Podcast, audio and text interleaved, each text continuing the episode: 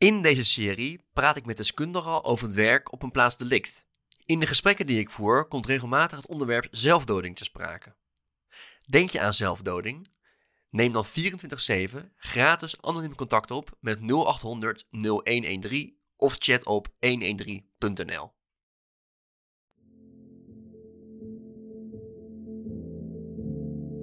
Ook als iemand van de trap gevallen is, dan is het ook een niet natuurlijk overlijden. En dan is eigenlijk onze taak om te kijken of er sprake is van een strafbaar feit. Is het een ongeluk of is iemand wellicht geduwd? Al meer dan een jaar probeer ik een verhaal te maken over de werkzaamheden op een plaats delict. In jargontaal ook wel PD genoemd. Een plek waarvan ik al in de beelden ken van de televisieserie CSI. Een plek waar politie en onderzoekers weer te pakken komen om een moord op te lossen. Maar klopt dit wel? Wie werken er op een PD?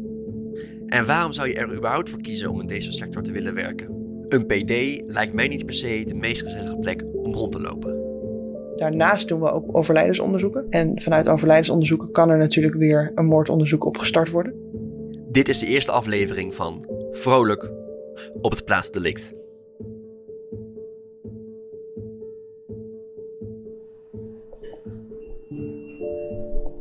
Mijn zoektocht naar de werkzaamheden op een plaats delict begint bij de GGD regio Utrecht. Ik spreek met Frits Woning, die een lange carrière als forensisch arts achter de rug heeft. Hey, goedemorgen. daar ben je. Daar ben ik. Frits doet het werk al meer dan 33 jaar en heeft dus al het nodige meegemaakt in zijn carrière. Onlangs 70 jaar geworden, dus ik ben uh, iemand die wat aan het eind van zijn loopbaan is uh, beland. Maar ik doe het werk nog steeds met veel plezier. Ja, er is ook een tekort in ons uh, beroepsveld, dus dat is ook de reden dat ik hier nog zit. En al snel wordt duidelijk dat forensische artsen veel meer doen dan het lichamelijk onderzoek bij overleden mensen. Ja, het zijn eigenlijk drie takken van sport die wij hebben. Het is de, uh, de lijkschouw en het forensisch medisch onderzoek. Dat is eigenlijk uh, allebei ten dienste van justitie.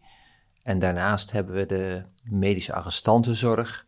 En dat is werk ten behoeve van politie, ten behoeve van ingeslotenen. Nou, de lijkschouw is denk ik uh, kort gezegd het bekijken van een lichaam. Dat moet je helemaal ontkleden en daar kijk je van buitenaf of je letsel ziet, aanwijzingen voor wijze van overlijden. Wat we bij de forensisch medisch onderzoek doen, dat zijn verschillende dingen. Nou, iedereen kent natuurlijk wel de alcoholbloedproef. Als je te veel alcohol op hebt, dan kun je worden aangehouden en moeten blazen. En als dat niet lukt, dan kan er bloed worden afgenomen. Maar ook een belangrijk onderdeel zijn de letsels. Mensen die slachtoffer zijn van een, iets wat door een ander is aangedaan, die kunnen zich melden bij de politie. En die kunnen ook een letselbeschrijving krijgen die door de forensische arts wordt opgesteld. Nou, we hebben nog de zedenonderzoeken, dus dan hebben we het over natuurlijk hè, mensen die verkracht zijn, die aangerand zijn. Ja, dan hebben we dus de medische arrestantenzorg en dat gaat over arrestanten die aangehouden worden en op een politiebureau worden ingesloten. En die hebben medisch gesproken wat, hè, die hadden al wat voordat ze werden ingesloten, die hebben medicijnen, die moeten worden voortgezet. Of bij de aanhouding is er letsel opgetreden. Misschien dat ze wel een psychiatrische ziekte hadden, dat ze psychotisch waren en daardoor naakt op straat gingen lopen. Nou, dan moeten we ze ook bekijken in de cel en nagaan. Hè, moet daar niet een crisisdienst bij komen vanuit de psychiatrie? Dus het kunnen hele verschillende vraagstellingen zijn. Veel verslaafden, mensen met een verstandelijke beperking zien we veel. Maar toch ook mensen die gewoon, nou ja, zoals jij en ik, uh, rondlopen in de samenleving en een vrij normaal leven leiden tussen aanhalingstekens. Die kunnen natuurlijk ook iets uh, op hun kerststok hebben of per ongeluk worden opgepikt en dan moeten ze ook uh, gezien worden in de cel. Ik dacht altijd dat een forensisch arts het CSI-werk doet in Nederland. Maar het is eigenlijk veel meer dan, dan dat. Het is veel meer dan dat, ja. ja. En, en wat klopt er dan wel van mijn beeld van een forensisch arts of helemaal niks? Nou, de CSI uh, is zeker onderdeel van ons vak. En uh, bijna alle forensische artsen vinden dat natuurlijk ook uh, het mooiste stuk van het werk wat we mogen doen. Bijdrage geven aan misdrijven die opgespoord worden. En uh, meedenken hè, bij scenario's, want daar wordt heel sterk altijd in scenario's gedacht. Dan is het uh, het bij elkaar leggen van de verschillende aspecten. De forensisch arts die doet natuurlijk de lijkschouw en die bekijkt het lichaam en trekt conclusies. Die trekt het verhaal na van iemand, wat is de medische voorgeschiedenis. Nou, dat is één stuk, één inbreng. Maar je hebt daarnaast natuurlijk ook de sporenonderzoekers, de forensische opsporing. Die maken ook eh, foto's. Dat is deel van politie. Dat is politie. En dan heb je ook nog de tactische rechercheurs.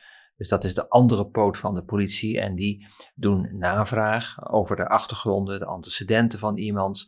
Die gaan bijvoorbeeld ook na via de computer of via de telefoon. Wat voor contacten had iemand vlak voor zijn overlijden? He, geeft dat aanwijzingen voor de uh, aard van het overlijden? Als er een misdrijf is gepleegd, dan komen die drie takken samen. Ja, die komen drie die samen.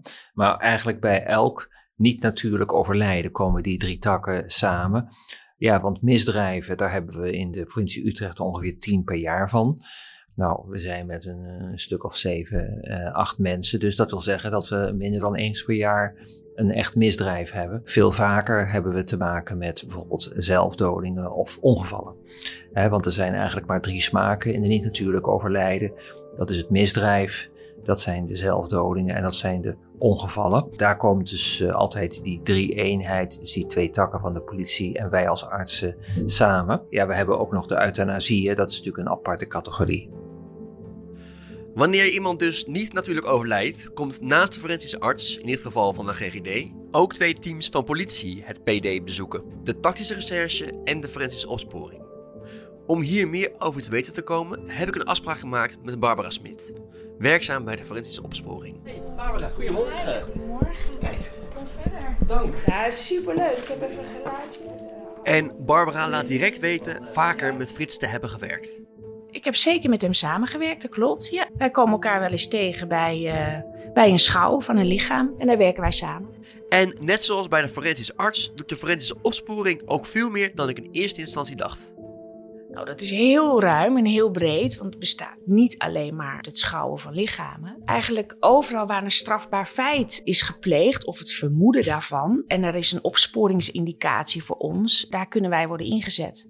Dus denk bijvoorbeeld ook bij een woningoverval. Inbraak natuurlijk in de woningen. Dat is ook een uh, groot onderdeel van het werk. Schietincidenten, moord, doodslag. Uh, maar ook als iemand van de trap gevallen is, dan is het ook een niet natuurlijk overlijden. En dan is eigenlijk onze taak om te kijken of er sprake is van een strafbaar feit. Is het een ongeluk of is iemand wellicht geduwd? En wij zijn ook verantwoordelijk voor de identificatie. En, en wat is het verschil met de, met de arts in dat geval? Nou, de arts is natuurlijk medisch onderlegd. Dus je, je moet het samen doen. Wij zijn getraind in te kijken van zou hier sprake kunnen zijn van een strafbaar feit? Dus je kijkt naar een sporenbeeld, bijvoorbeeld de bloedspatpatronen. en de arts kan natuurlijk heel veel vertellen over het lichaam. Is er, eh, zijn er partechien in de ogen bijvoorbeeld? Dat zijn kleine puntbloedingjes en die kan je goed zien. En die zie je bijvoorbeeld als iemand verwurgd is.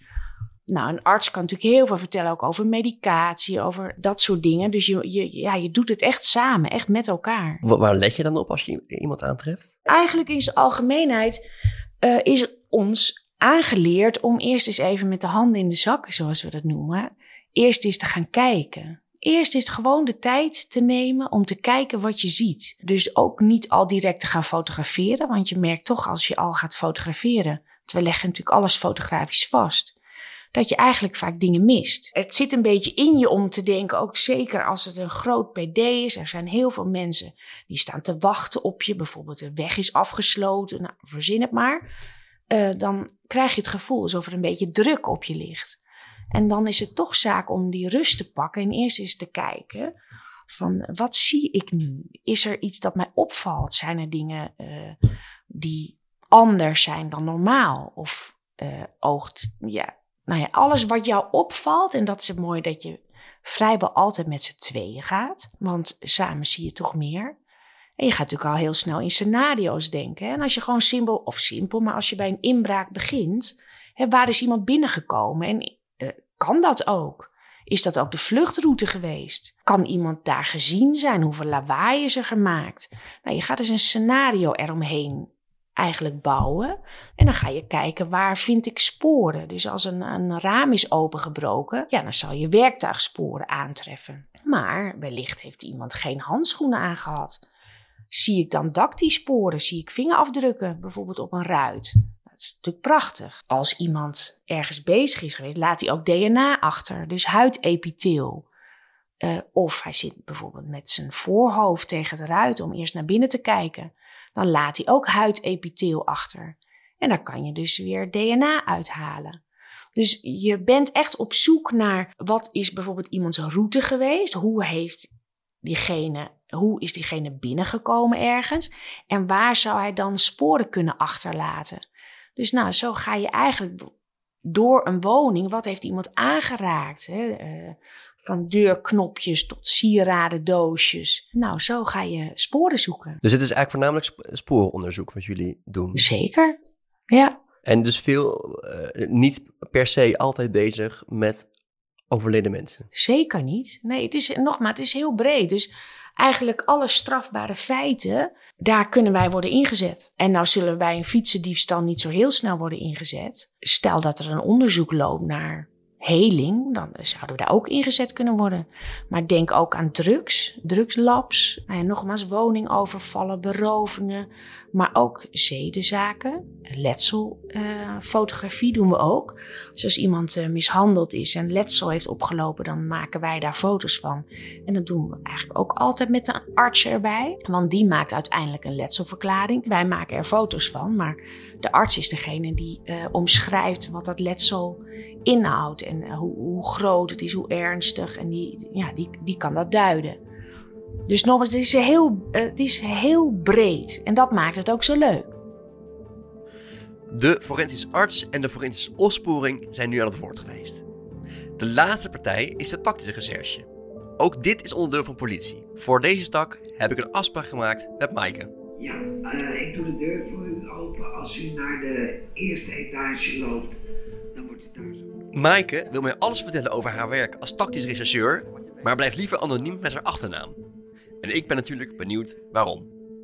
Dat is voornamelijk omdat je toch met allemaal verschillende mensen in de samenleving te maken hebt. En niet iedereen is blij met het werk wat we doen. In de tijd van nu toch wel, we merken dat het voor sommige mensen bepaalde straffen niet te verkroppen zijn en dan persoonlijk worden. Dus persoonlijk in dossiers namen opzoeken van collega's. En die ook daadwerkelijk gaan uh, lastigvallen thuis, privé, via internet. Voor ons is het wel handig om uh, ja, zoveel mogelijk onszelf een beetje en onze gezinnen te beschermen. In mijn hoofd doen jullie juist heel veel voor mensen en voor inwoners. En waarom dan toch die... Uh... Die gereserveerdheid? Nou ja, en de drang om, om jullie op te zoeken. Ja, dat is, dat is heel lastig. Als je bijvoorbeeld iemand hebt die je toch bijvoorbeeld vooral in uh, drugs, wapens en dat milieu zit. Het is wel de inkomsten die je wegpakt vanuit politie. En dan is politie is dan één geheel en dat is dan de vijand. En dat is wel lastig dan soms om te verkroppen voor die verdachte. En dan... Uh, dan willen ze nog wel eens persoonlijk worden. Dus vandaar dat we ook jouw achternaam niet niet nee. noemen. Want jij werkt bij de tactische recherche. Ja. En dat is dus ook veel meer dan alleen maar het werken met nabestaanden van overledenen. Ja, zeker. Zeker. Wij, hebben, wij behandelen hier uh, als recherche-unit behandelen wij eigenlijk alle, dat noemen we high-impact crime zaken. Dus dat is van zware mishandeling, uh, doodslag, uh, drugsonderzoeken, brandstichtingen. Eigenlijk ja, alles wat een grote maatschappelijke impact heeft, dat, dat, dat behandelen wij. Dus en daarnaast doen we ook overlijdensonderzoeken. En vanuit overlijdensonderzoeken kan er natuurlijk weer een moordonderzoek opgestart worden. Maar grotendeel is toch wel zelfdoding en uh, natuurlijk overlijden. En, en als ik het goed begrijp, zijn jullie een contactpersoon voor, voor familie en werken jullie daar veel mee? Werken jullie altijd mee met, met, met, familieleden of niet? Of is dat... Als er familieleden zijn, ja, altijd. Maar ook met dus de andere dingen die je doet? Ook, maar dan heb je het vaak over aangevers of, of een wijk waar een drugsprobleem is. Of bij zware mishandeling met familie of nabestaanden als er naar aanleiding van mishandeling een overleden is. Maar ook gewoon met een aangever die mishandeld is. En dat kan als het een jeugdig is, heb je altijd te maken met ouders. Maar als het een volwassene is, dan is het vaak die persoon waar je mee in gesprek bent. Dus van, van de uh, drie eenheid, zoals ik dat dan ja. geleerd heb, komen jullie het meest in contact met nabestaanden. Ja. Klopt. Als het gaat om overledenen. Ja, ja. Het is niet mijn werk, maar het lijkt mij het meest uh, ingewikkelde stukje van, uh, van het werk. Nou, het, is, het is vooral heel veel uh, luisteren naar iemand. Luisteren naar het gevoel, luisteren naar hoe iemand het ervaren heeft. En belangrijk voor ons is dat we dat ook kunnen overbrengen naar de rechtbank op zo'n moment.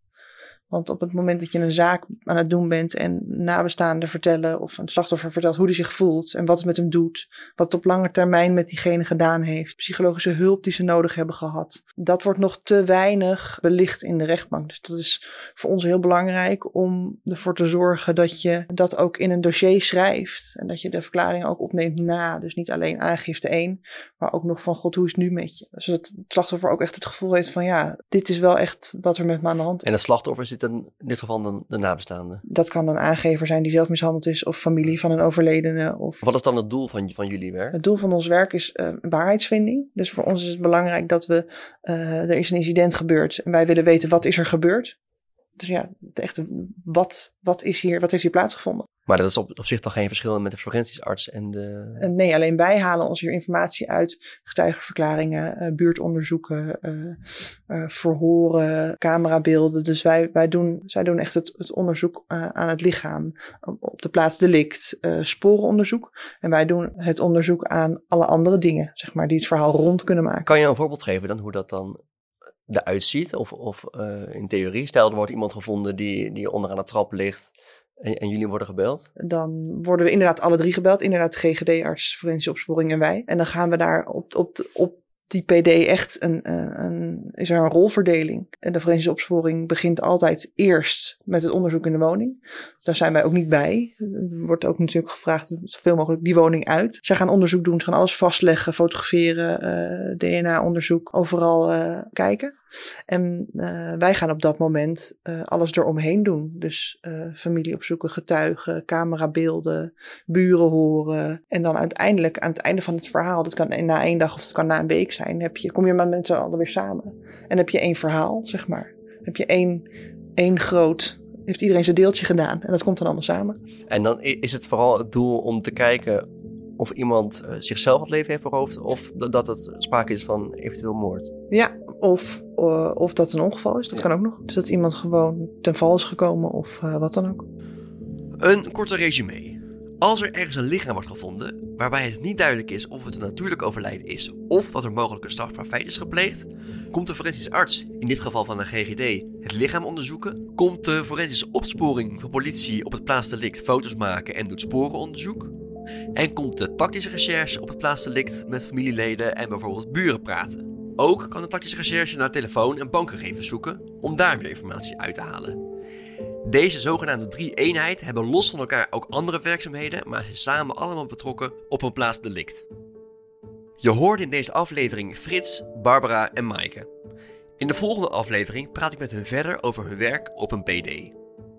We hebben ooit een keertje gehad een, een vrouwtje die was van een trap gevallen en het was zo duidelijk. Het was 100% duidelijk. Maar eigenlijk niet, want haar portemonnee was weg. En vind je deze aflevering, podcast of serie nou leuk? Dan kan je mij enorm helpen door naar de beschrijving van deze aflevering te gaan in je podcast-app en op het linkje te klikken om mij te steunen. Je kan dan eenmalig een bedrag overmaken. Dat helpt mij in ieder geval om verhalen te blijven maken.